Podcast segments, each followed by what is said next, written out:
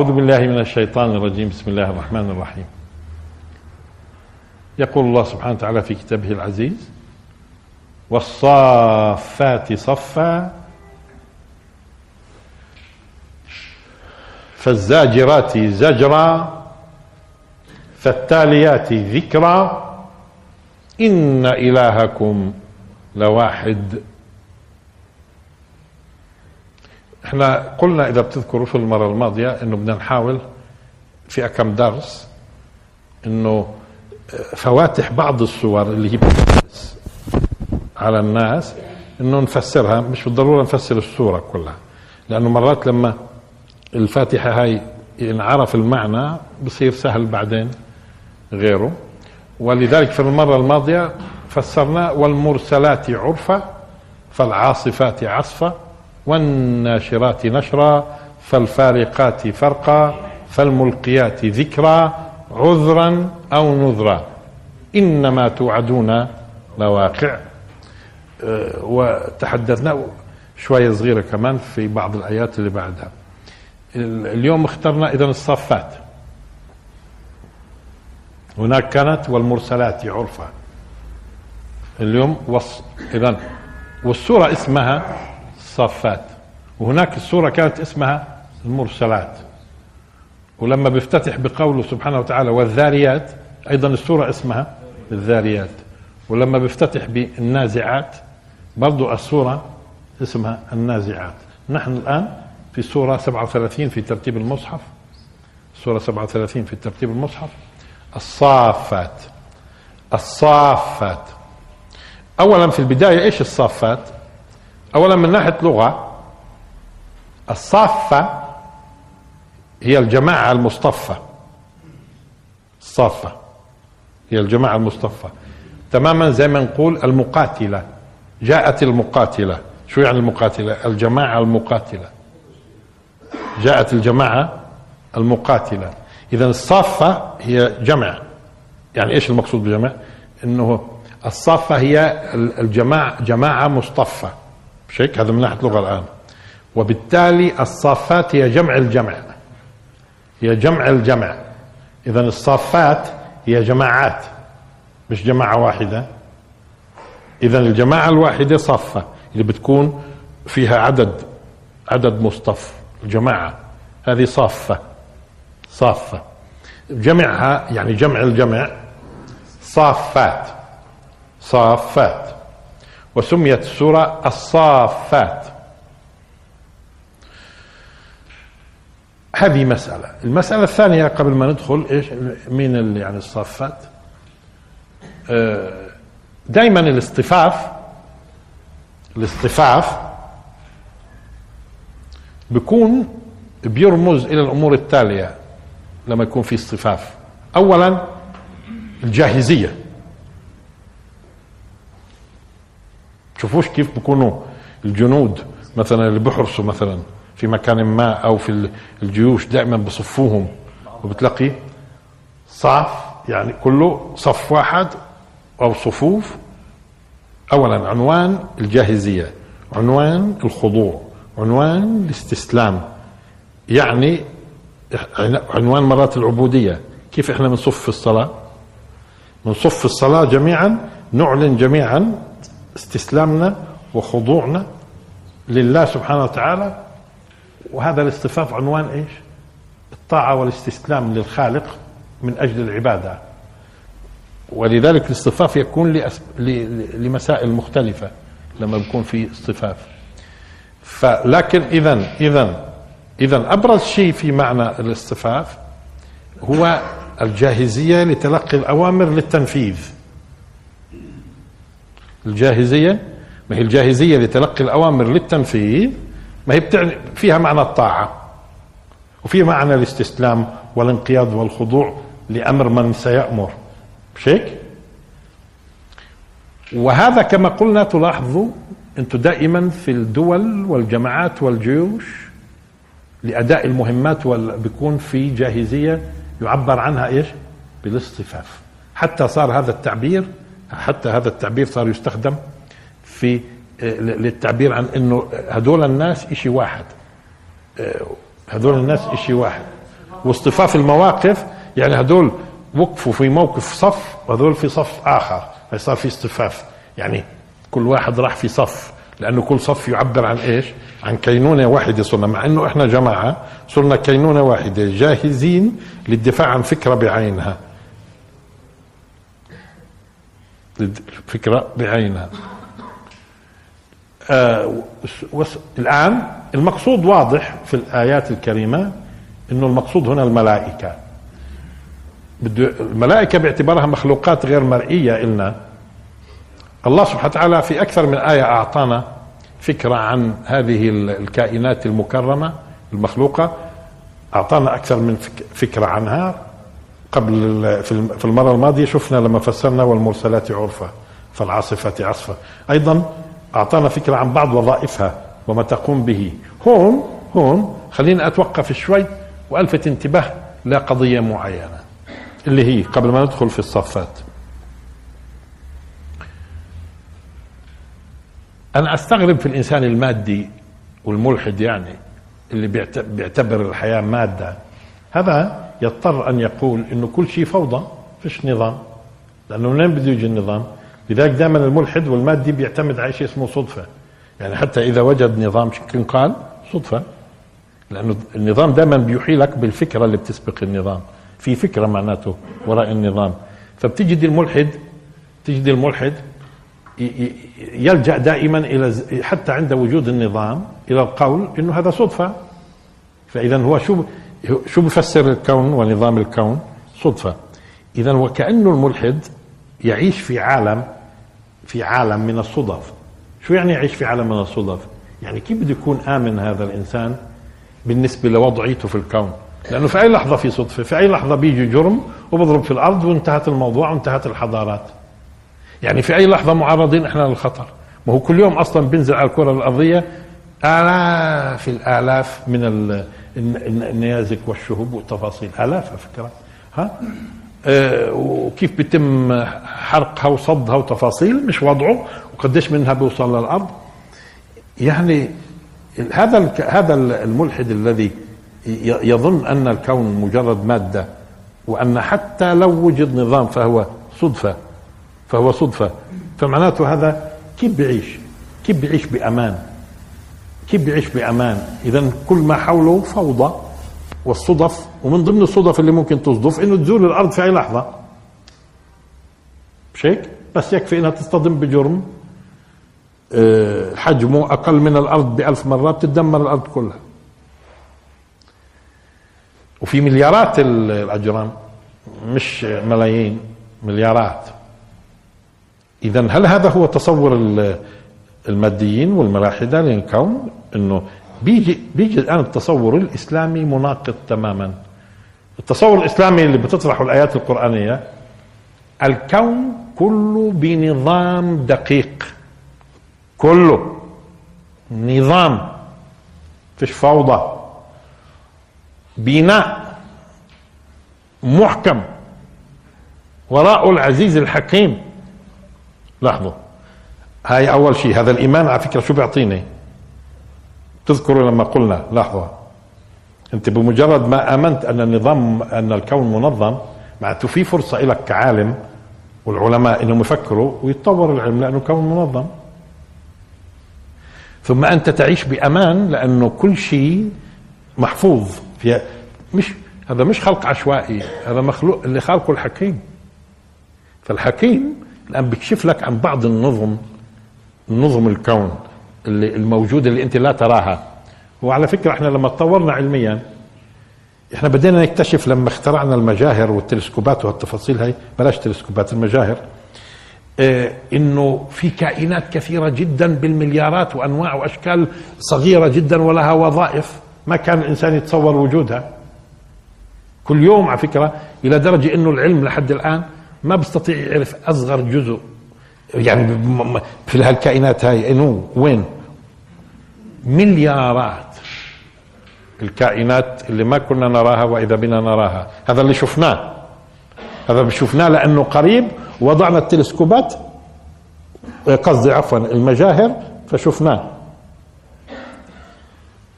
ومنرى ومنراش لها علاقة بقديش الله سبحانه وتعالى خالقنا. بنشوف إحنا. العلماء لما جو حسبوا بالنسبة للذبذبات الموجودة اللي ممكن ترى. ما هو الضوء ذبذبات في النهاية.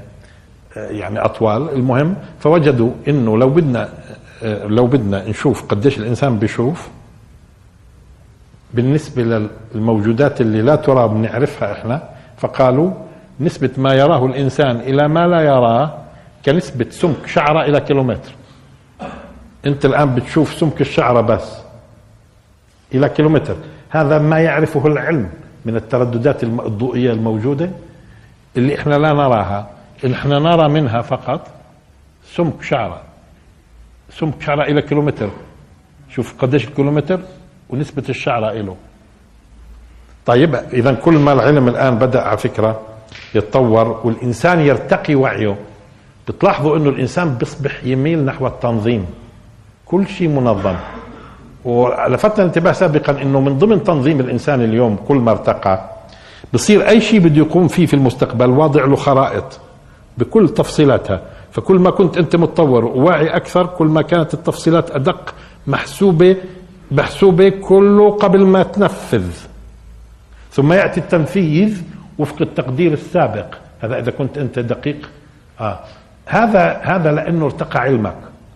هذا لأنه ارتقى علمك. طب تصوروا علم الإنسان. لو بدنا ننسبه الآن لعلم الخالق اللي خلق السماوات والأرض.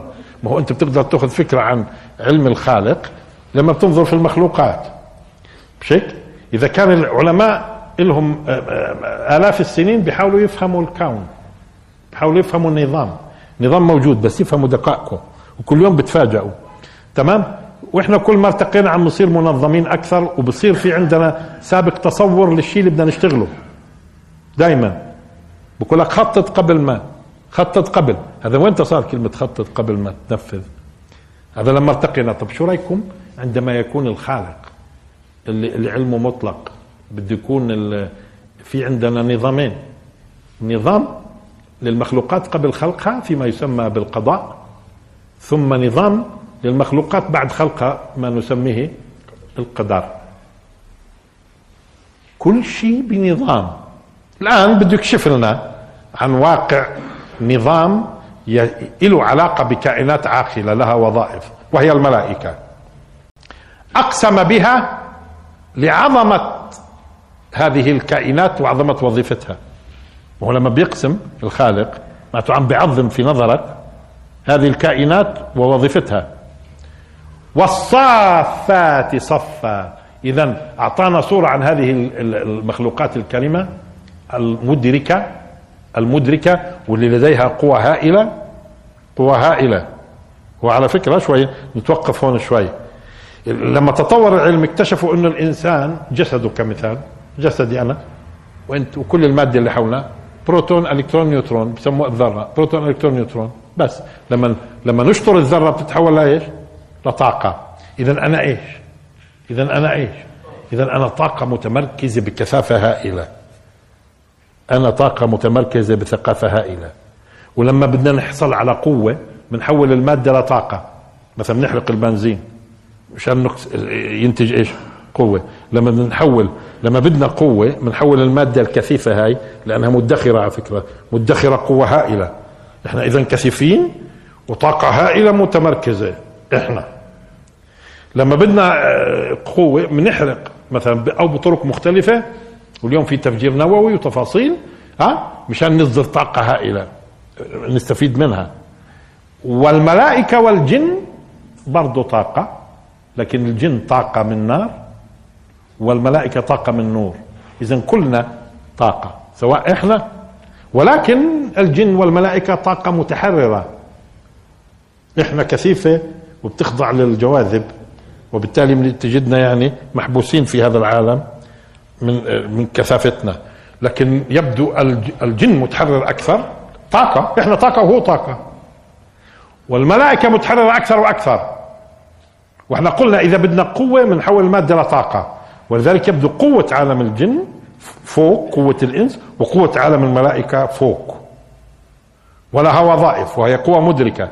يعني أنت مثل ما أنت مدرك وأنت طاقة هم مدركين. لكن إدراكهم العقل بيقبل العقل على فكرة بيستغرب إدراك الإنسان مش إدراك الجن أو الملائكة. ليش؟ لأنه أصلا العقل هو عالم معنويات والطاقة أقرب إلى عالم المعنى منه إلى عالم المادة. ولذلك إذا بدنا نستغرب العقلاء نستغرب إنه يكون الإنسان عاقل. طب والإنسان عاقل؟ ممكن من طاقة يخلق عاقل آخر جن أو يخلق عاقل ثالث الملائكة. الملائكة هذه الله سبحانه وتعالى الآن يقول والصافات صفا. اذا قلنا الصافات هي جمع الجمع لأن الصفة هي الجماعة. إذا هي الملائكة جماعات جماعات مصطفى. يعني ضمن جماعة مصطفى وهذه كل جماعة ضمن الكل أيضا صفوف.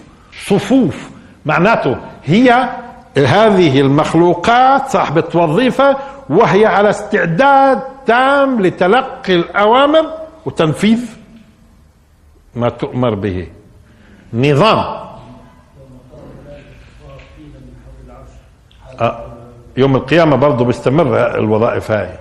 الملائكة صافين. و وبالسورة نفسها سورة الصافات في آخر السورة آه، في كلام ممكن تفسير يعني الجماهير والمفسرين بيقولون المتكلمين واضح الملائكة. وإنا لنحن الصافون وإنا لنحن المسبحون. يعني إذا في إذا في من يقوم بالاصطفاف الحقيقي وكل معانيه فالصف الحقيقي مين؟ الملائكة. وإنا لنحن شوف تعبير نحن. يعني إذا في صف يؤدي وظيفته واصطفاف يؤدي معانيه في الاستسلام والانقياد والطاعة والجاهزية لتنفيذ الأوامر فنحن. بيشهدوا في آخر الصورة وإنا لنحن الصافون. وإذا في مسبحين حقيقيين وبينا لكم معنى التسبيح إنه مش مجرد التنزيه بل بل تنزيه الخلق وأنت متحرك وسالك في اتجاهه. تذكروا؟ بيحمل معنى أكبر من معنى التنزيه. أه؟ وإنا لنحن المسبحون. فإذا في مسبح إحنا. طيب آه شيخنا.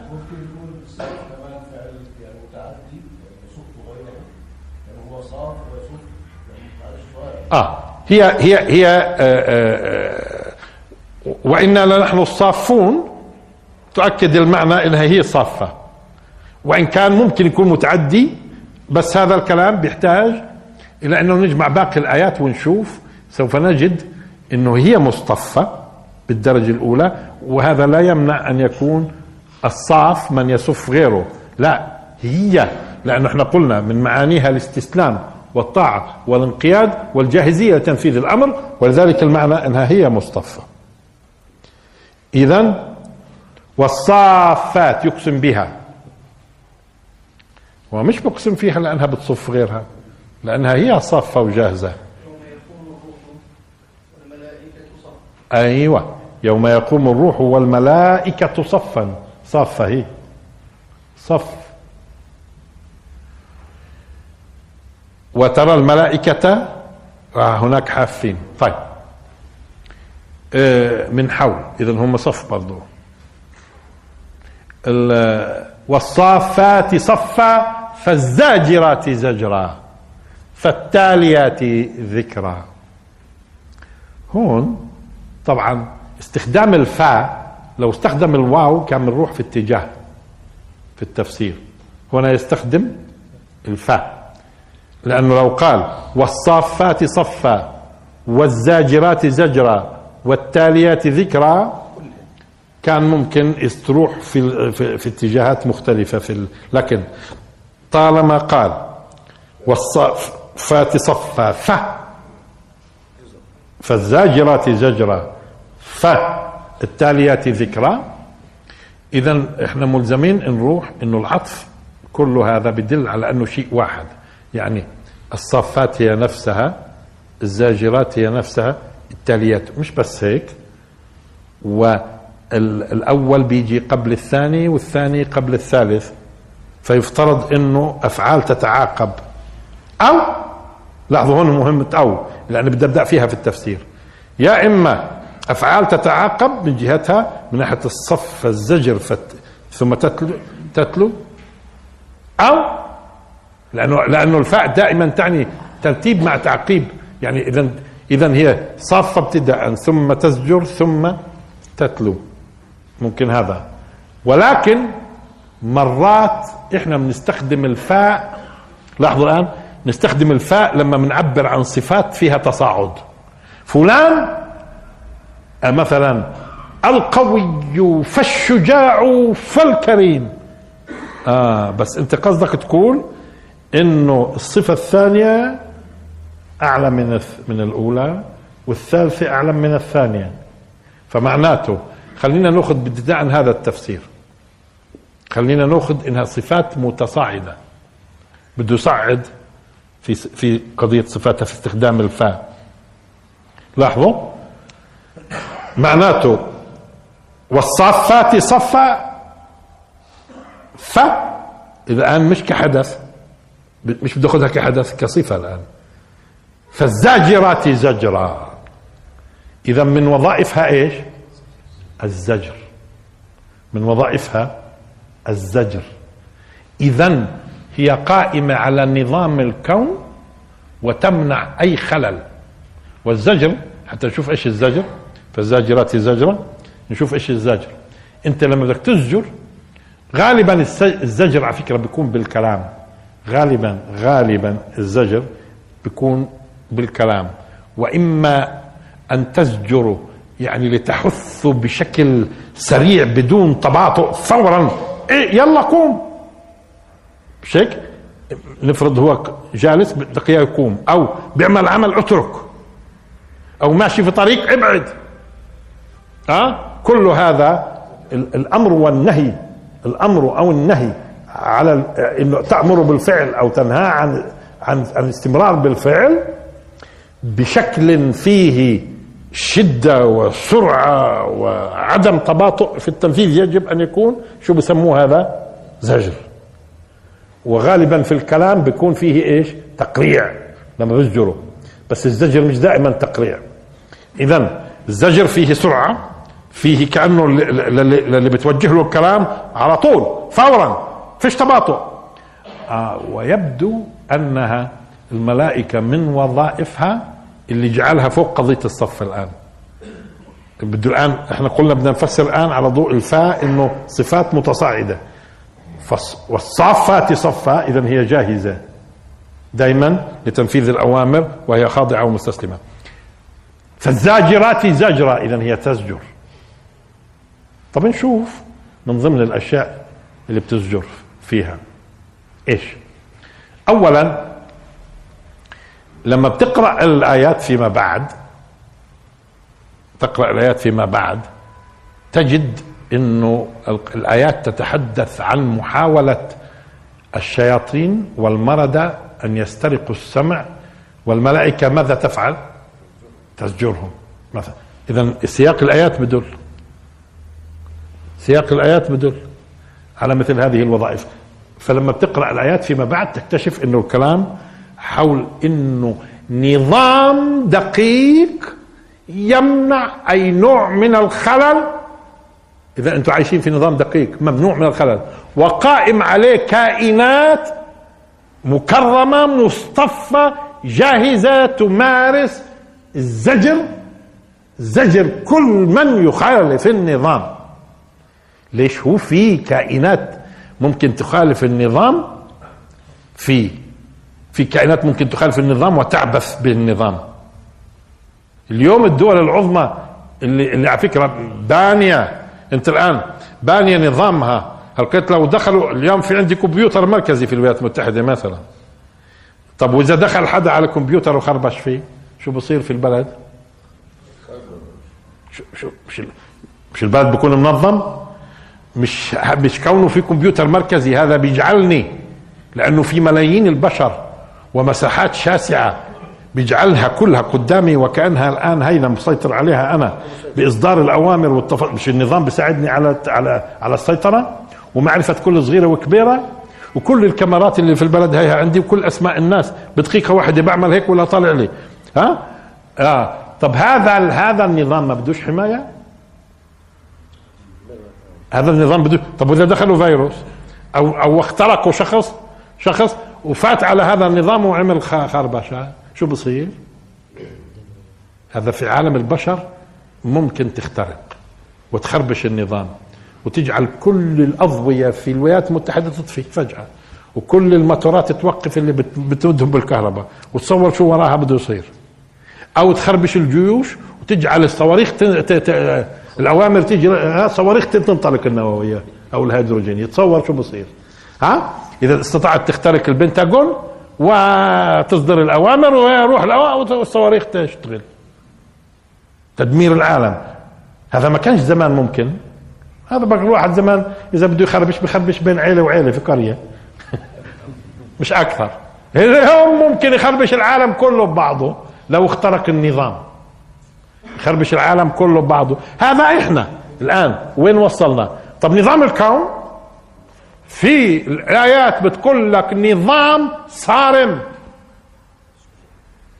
وتقوم عليك من ضمن ما تقوم عليه كائنات عاقلة ذات وظيفة. لا تعصي. ولا بتقدر ترشيها. ترشيهاش مشان تخترق النظام. هي صفة دايما لتلقي الأوامر وجاهزية ثم هي تزجر كل من يحاول أن يخترق هذا النظام الكوني. هو على فكرة بده يشعركم أنه أنتم موجودين في عالم مش عشوائي زي ما بيقولوا الماديين مش فوضوي. كل ما يحيط فيكم نظام كل ما يحيط فيكم نظام نظم بتشوفوها ونظم ما بتشوفوهاش.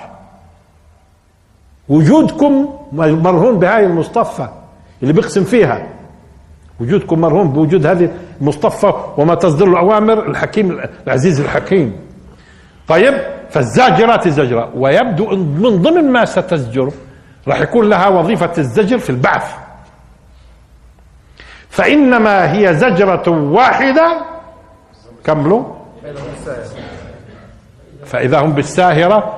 طب في هذه السورة في الآية 19 منها في هذه السورة نفسها اللي ذكر فيها الزجر فإنما هي زجرة واحدة فإذا هم ينظرون. إذا برضه من ضمن الزجر إنه الناس ميتة ميتة قوم. مش قلنا الزجر كلام قيام. يبدو أن الله بيعطي الملائكة مش قلنا في الآية في المرة الماضية والناشرات نشرة؟ إذا هي تعطى الأمر بالقيام من ضمن الزجر. إذا هي مش بس بتزجر في أمور الدنيا وهي أيضا زاجرة في أمور الآخرة. فإنما هي زجرة واحدة. شوف في زجرتين ما هو. فإنما هي زجرة واحدة فإذا هم ينظرون. بشك؟ بشك فيه؟ لا هون هون هون. فإذا هم ينظرون. وبعدين فإن فإنما هي زجرة واحدة فإذا هم بالساهرة الجمع. جمعهم. شوفوا شوفوا العظمة والدقة زجرة واحدة كله بقوم. زجرة واحدة كله مجتمع.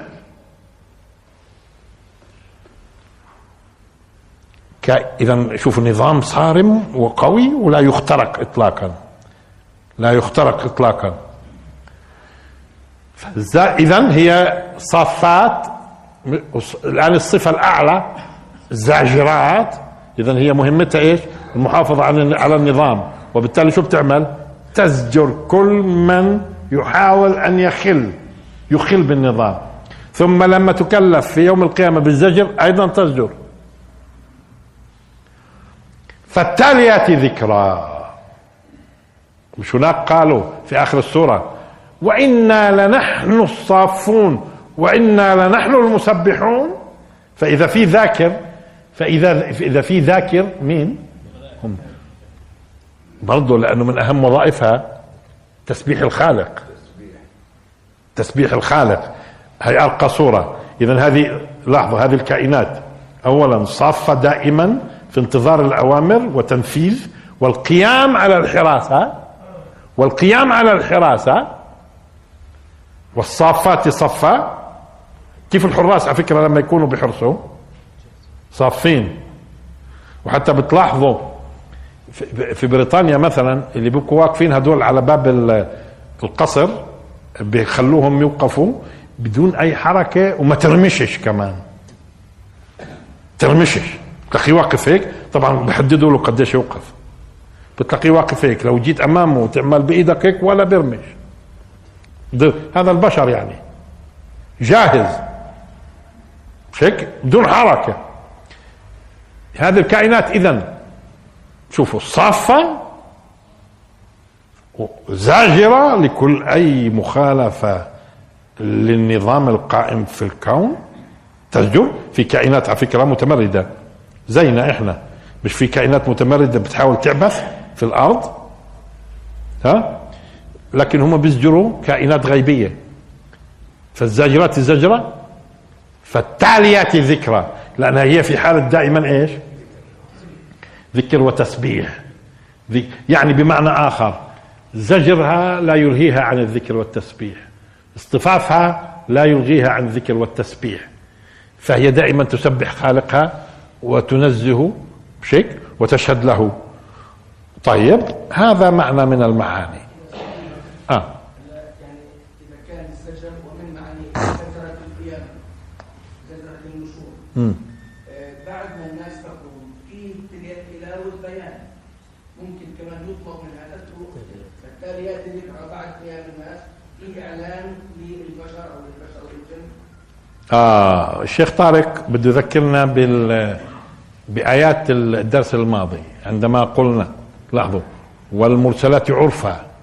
فالعاصفات عصفة وفسرناها وقتها أنها تعصف بالنظام لأنه النظام الآن ما عادش له لزوم تعصف بالنظام فالعاصف والعاصف فالعاصفات عصفة. والناشرات نشرا اللي هو بعث الناس. فالفارقات فرقة تفرق بينهم. هدول هون هدول هون. فالملقيات ذكرى. عذرا أو نذرا. هذا اللي فسرناه في المرة الماضية.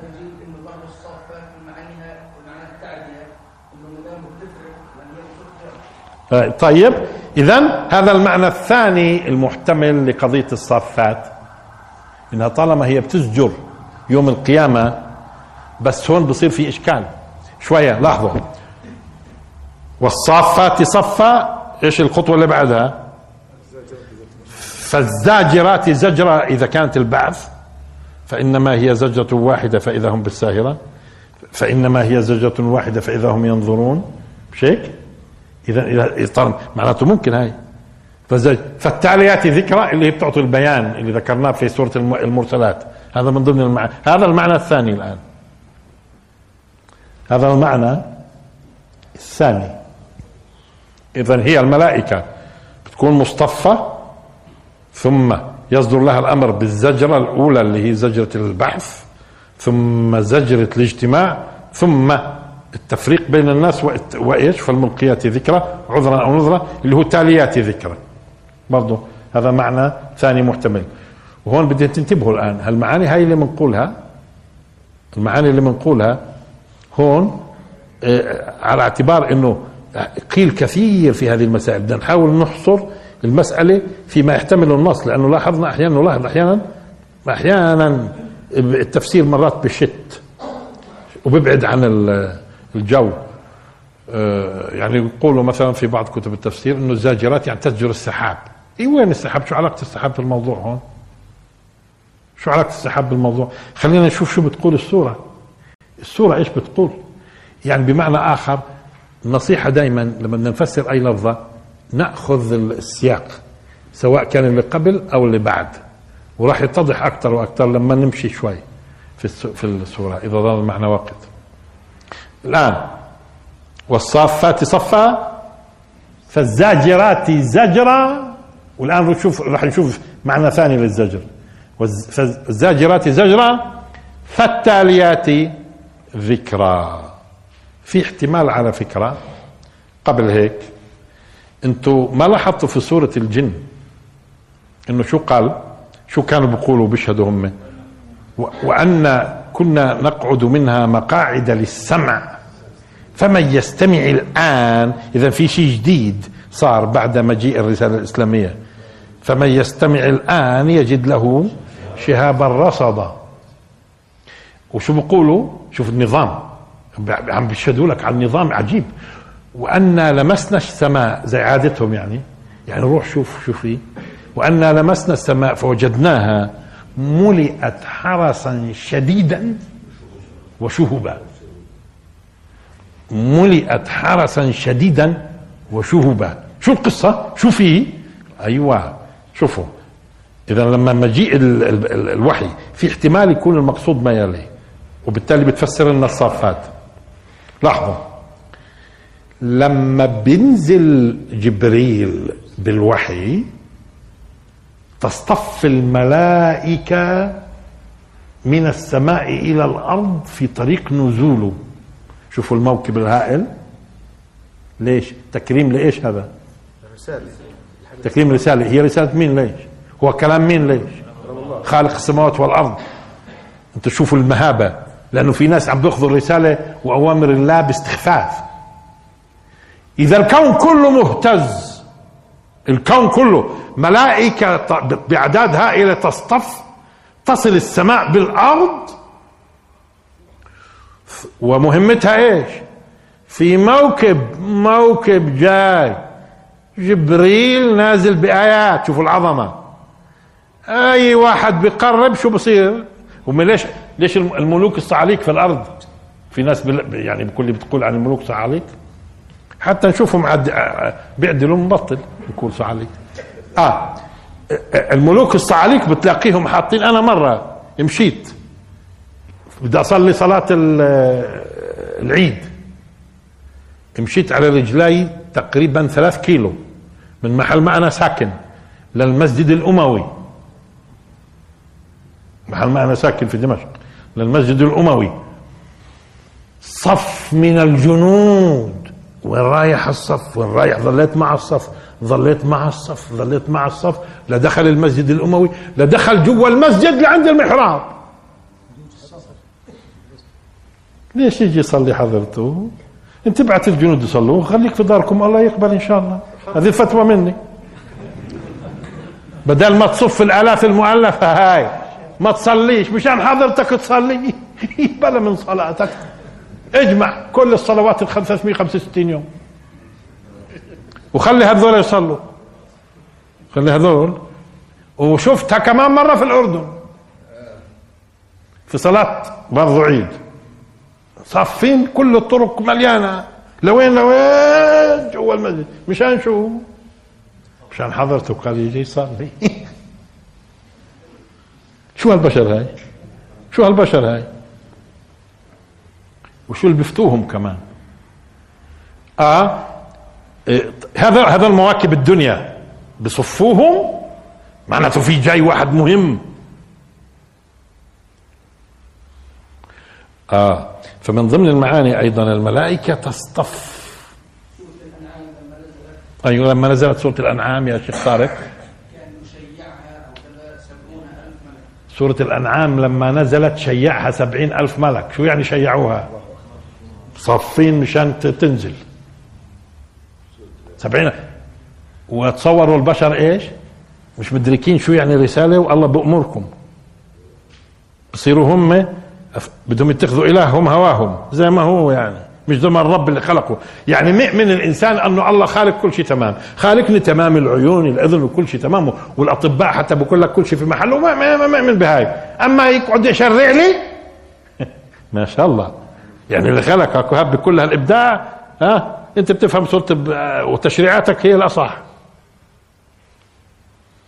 فهي تصطف اذا وتصل السماء بالأرض لموكب إيش؟ لموكب ال- الذكر اللي هو القرآن الآن نزوله مش هو ذكر؟ مش قالوا يا أيها الذي نزل عليه الذكر شو بقصدوا أه مش هيك؟ طيب إنا نحن نزلنا الذكر وإنا له لحافظون آه اذا شو معناته شو معنات زاجرات وقتها؟ معناته هي ليش مصطفى أصلا؟ وليش ملئت حرسا شديدا وشهبا؟ شو م- شو مهمة الحرس؟ شو مهمة الحرس؟ زجر أي محاولة للاختراق والتعدي حماية أنتم تصوروا الوحي ما هذه هذه الكائنات على فكرة عندها قدرة على الاستماع والنزول كان بتخربش محمي الوحي محمي. فصارت اذا مفهومة إذا كان هذا هو المقصود برضه اذا هي تصطف في طريق الوحي والصافات صفا فالزاجرات زجرة لأنه ليش مصطفى أصلا؟ إذا بدهاش تزجر. معناته دير بالكم في كائنات كثيرة تحاول تحاول إنها إيش؟ مش مش قالوا مش قالوا هم. وأنا لمسنا السماء فوجدناها ملئت حرسا شديدا وشهبا. وأنا كنا نقعد منها مقاعد للسمع فمن يستمع الآن يجد له شهابا رصدا. كله تعبير عن إيش؟ قديش المسألة فيها حماية للنظام وحماية للوحي والوحي نفسه محفوظ فيش مجال. طيب؟ فإذا صارت هون هي معنى آخر. والصافات بس كلها الملائكة. والصافات صفا فالزاجرات زجرا فالتاليات ذكرى إن إلهكم لواحد. مين هو؟ لاحظوا لا. دحورا. ولهم عذاب واصب. إلا من خطف الخطفة فأتبعه شهاب ثاقب. آه طيب. هون أول شيء خليني شوية حتى لا يسبق الوهم إلى أذهان الناس زي ما نلاحظ أحيانا أنه كلمة شهاب هم بتصوروا أنه هالشهب هاي اللي بنشوفها هذه اللي بتكون يعني لاحقة هذه الكائنات. هو كلمة شهاب في البداية شو هو؟ شهاب. شهاب. آه واضح الشهاب أولا فيه لون البياض ولكن البياض اللي يشوبه يشوبه. وغالبا اللهب اللهب بيكون على فكرة النار برضو لونها مش صافي. ولذلك اللون الأشهب الأشهب بتلاحظوه بياض مع إيش؟ مع إيش بخالطه مش في مثلا حصان أشهب؟ وممكن تكون عن اللحية هاي شهباء اللي هي يعني شايبة. شهباء مختلط أبيض مختلط. أشهب. مش هيك؟ الشهباء. الشهب هي بتكون اذا لهب لهب لهب وسماه إيش؟ ثاقب يعني يخترق يخترق. والغريب إنه زمان كانت الناس من من من الأسئلة الساذجة اللي يسألوها بعض الملاحدة قديما. قال كيف يعني آه، مثلا آه، آه، الجن بده يدخل النار؟ طب ما هو الجن من النار؟ شو بالله هالسؤال قديش ساذج؟ قال الجن من النار. شو يعني؟ يعني إذا كان الإنسان من تراب يعني بتعذبش بالتراب؟ ما هو أصلا الإنسان نار ما أنت نار ما أنت طاقة. ما انت طاقة أصلا. ما هي النار طاقة في النهاية. ماني أنا التراب طاقة.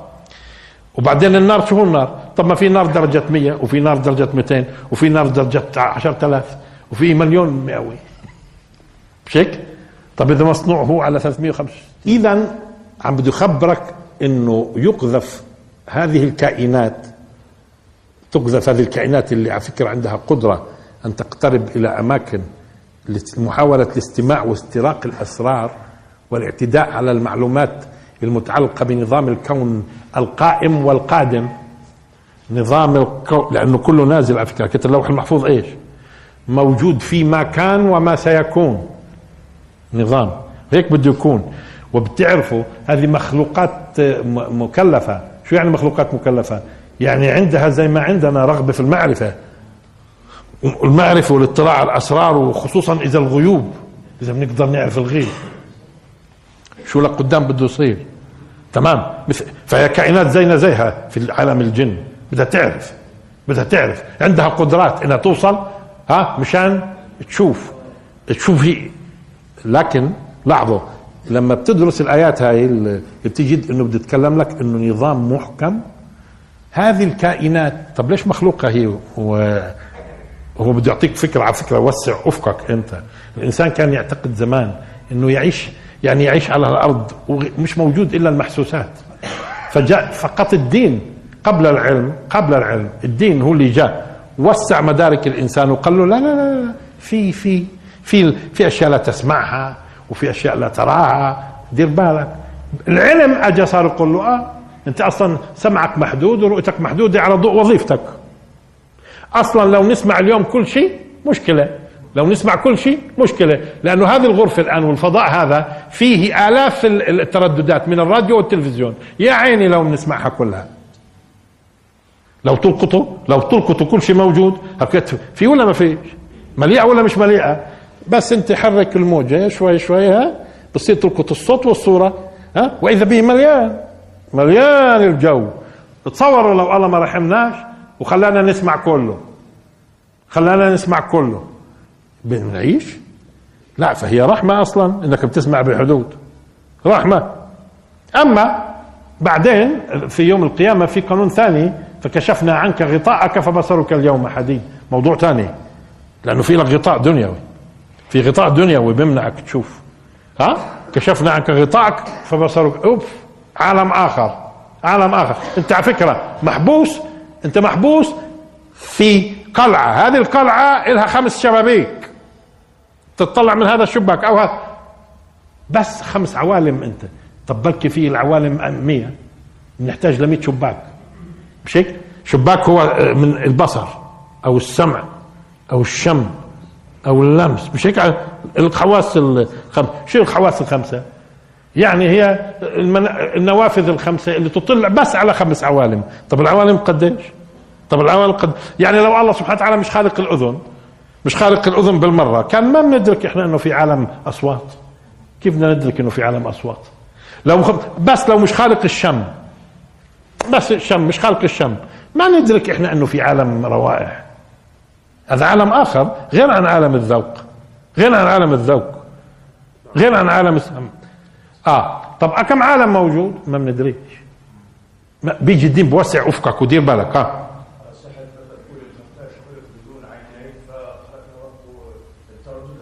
آه الخفاش بيمشي على الرادار رادار.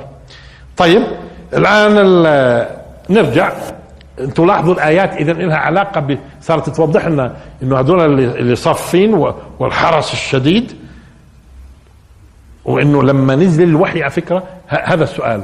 لما نزل الوحي بقي الحرس الشديد موجود عبين ما انتهى الوحي وقبض الرسول ولا لا يزال مستمر الأمر؟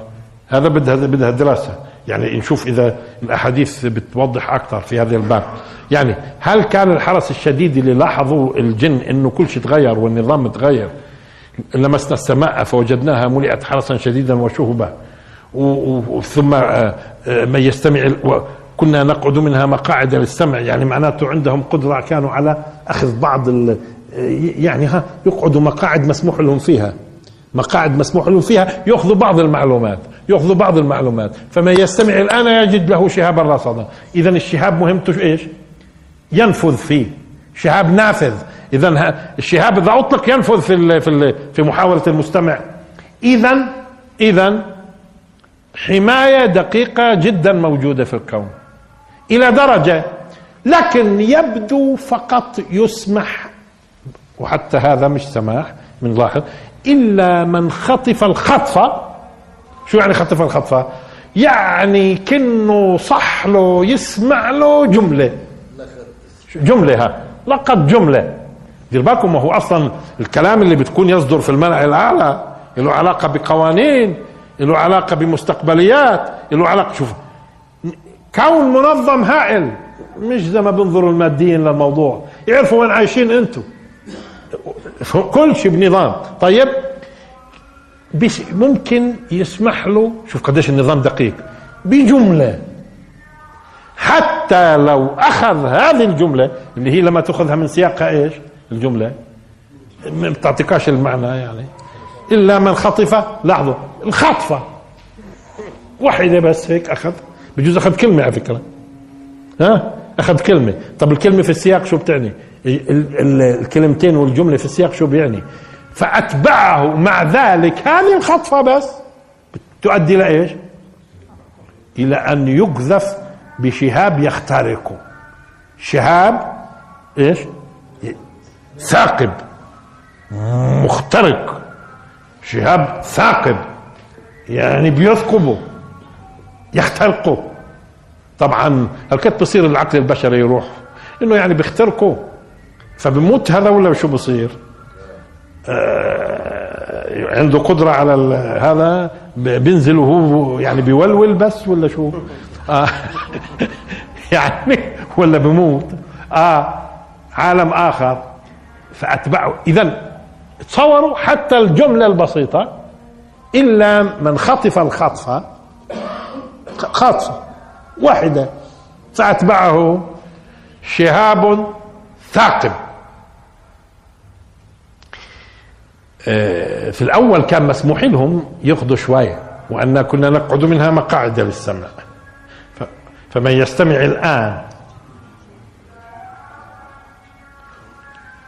وما تنزلت به الشياطين. مش هيك؟ وما هي؟ أه؟ وما ينبغي لهم وما يستطيعون. إنهم عن السمع لمعزولون اذا في عازل بيعزلهم عن الاستماع. كما مره وما تنزلت به الشياطين وما ينبغي لهم وما يستطيعون. إنهم عن السمع لمعزولون. شوف التأكيد. اذا اذا اذا لاحظوا المعلومات محمية مش زي معلومات الدول اليوم. في كمبيوتراتها. اليوم في اختراقات وفي تسلل وفي قدرة على أخذ المعلومة وإدراك كيف ماشي النظام وشو بتخطط قاعدة الدول للمستقبل. كل هذا اليوم يمكن اختراقه. هون عم بيوضح لك هذا لا يمكن اختراقه. ولا بيقدروا يأخذوا معلومة. وإذا أخذوا حتى كلمة ها يتبعوا شهاب ثاقب خارق. وبما أنه شهاب فهو خارق حارق بيحرق إشي من نار آه. ما إحنا قلنا. المئة مئوية شو بتعمل فيه الألف؟ والألف مئوية شو بتعمل فيه؟ الخمسمائة ألف مئوي. مش هيك؟ آه. طب نرجع. والصافات إذا إذا معناته هذا هو السياق. من أين نجيب السحب مثلا؟ زاجرات للسحب مثلا. وين السحب في الموضوع؟ كلام عن نظام ودقة حماية نظام الحماية. والصافات صفا. فالزاجرات زجرا. فالتاليات ذكرى إن إلهكم لواحد. رب السماوات والأرض وما بينهما. ورب المشارق. طبعا فكرة. يعني من الذي خلق ووهب؟ مين النظام الكون كله هذا؟ السماوات والأرض وما بينهما. ليش ركز على المشارق الآن؟ وما قالش المغارب. رب السماوات والأرض وما بينهما ورب المشارق. اذا هو ليش بركز على المشارق دون المغارب؟ بعضهم شو قال؟ قال ما هو إذا ذكر المشارق بذكر المغارب. لأنه أي منطقة يتم فيها الإشراق الشروق يكون إيش؟ غروب. وهون جيد إنه نتوقف شوي صغيرة سريعة. إنه مرات بقول مشرق ومغرب وهو مو وهو موضع الإشراق. المشرق هو الموضع موضع الإشراق. مشرق ومغرب مشرقين ومغربين مشارق ومغارب. مشارق جمع؟ مشارق جمع. جمع آه. أما مشرق ومغرب فهذه وحدة الجهة. هذا مشرق هذا مغرب. خلصنا. مشرقين ومغربين. مشرق القمر ومشرق الشمس. مش مغرب القمر ومغرب الشمس. باعتبارهم جرمين إيش؟ مؤثرات تماما في الأرض. اذا المسألة مسألة نسبية وحيثية. مش هيك؟ بعدين المشارق والمغارب. قد يقصد كل الكون وما فيها من مشارق ومغارب. وقد يقصد أصلا كل يوم على فكرة كل يوم المكان الذي تشرق فيه الشمس بتغيره. اليوم الثاني بتغير الثالث الرابع. وكل يوم إذا أشرقت من موقع بتغرب من موقع. لذلك أنتم إذا راقبتوا الشمس فوجدتوها في, وقت من الش... من هون بت... أنا مراقبها. مرات بتشرق من هون مرات تشرق من هون. وما بينهما بتكون إيش؟ مشيت مشيت مشيت مشيت مشيت والمغرب بالعكس. إذا أشرقت هون تجدها غربت هون وإذا أشرقت هون آه آه يعني ملاحظين؟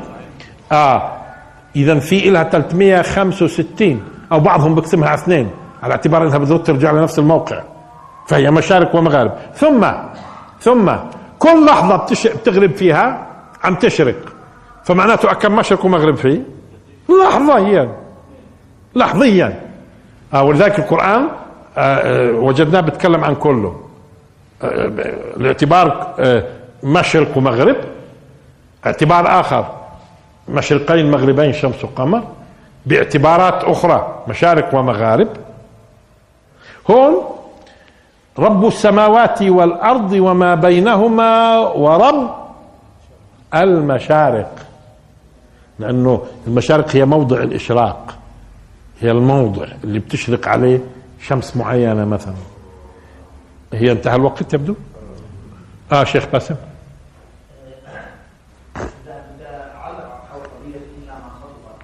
إلا من خطف الخطف يا شيخ باسم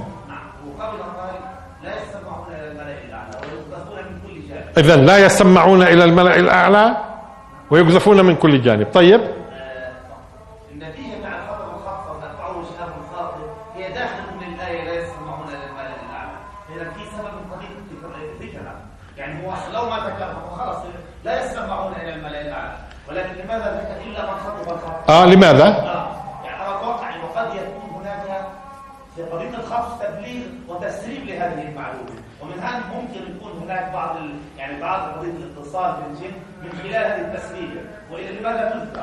إذا إذا الاستثناء ممكن يقال إنه ممكن يخطف خطفة اللي هي جزئية من معلومة ووارد أحاديث إنه ين... إنه هذا الذي خطفها عندما يأتيه الشهاب الثاقب ممكن يكون فورا أرسلها سربها فورا لغيره هو بينقتل وغيره بينزل فيها. ب- هالمعلومة الصغيرة هاي آه، آه، بي- بيضيفوا إلها أمور كثيرة وبخلطوها وبالتالي مرات بعض ال- المنجمين أو السحرة عند هذا كلام الشيخ باسم عشان أوضح شو قصده. آه انه إنه ممكن يأتي بمعلومة صحيحة يخلطها ب100 ب100 خطأ. فبقول لك هيو عرف عرف هذه القضية. اذا بتوقع إنه يعرف الباقي. وهي بتكون في أساسها ما أذن به من تسريبات فقط. تسريبة وخطفة. ممكن هذا اللي اللي قدر إنه يأخذها ألقاها لغيرهم. هم بيكونوا قاعدين على فكرة. هم بيكونوا مش واحد واثنين. ما هم كلهم بدهم يعرفوا. اللي خطفها اللي خطفها لما جاء الشهاب على طول ألقاها هذاك لك بجوز انضرب الثاني ألقاها للثالث. يعني بيمشي معهم يمشوا لهم شوية. مأذون فيها لأنه أصلا كان مؤذون لهم قبل هيك ببعض مقاعد السمع ليش؟ شو الحكمة من هذا؟ كت الوقت عادي. وآخر دعوانا الحمد لله رب العالمين وبارك الله فيكم.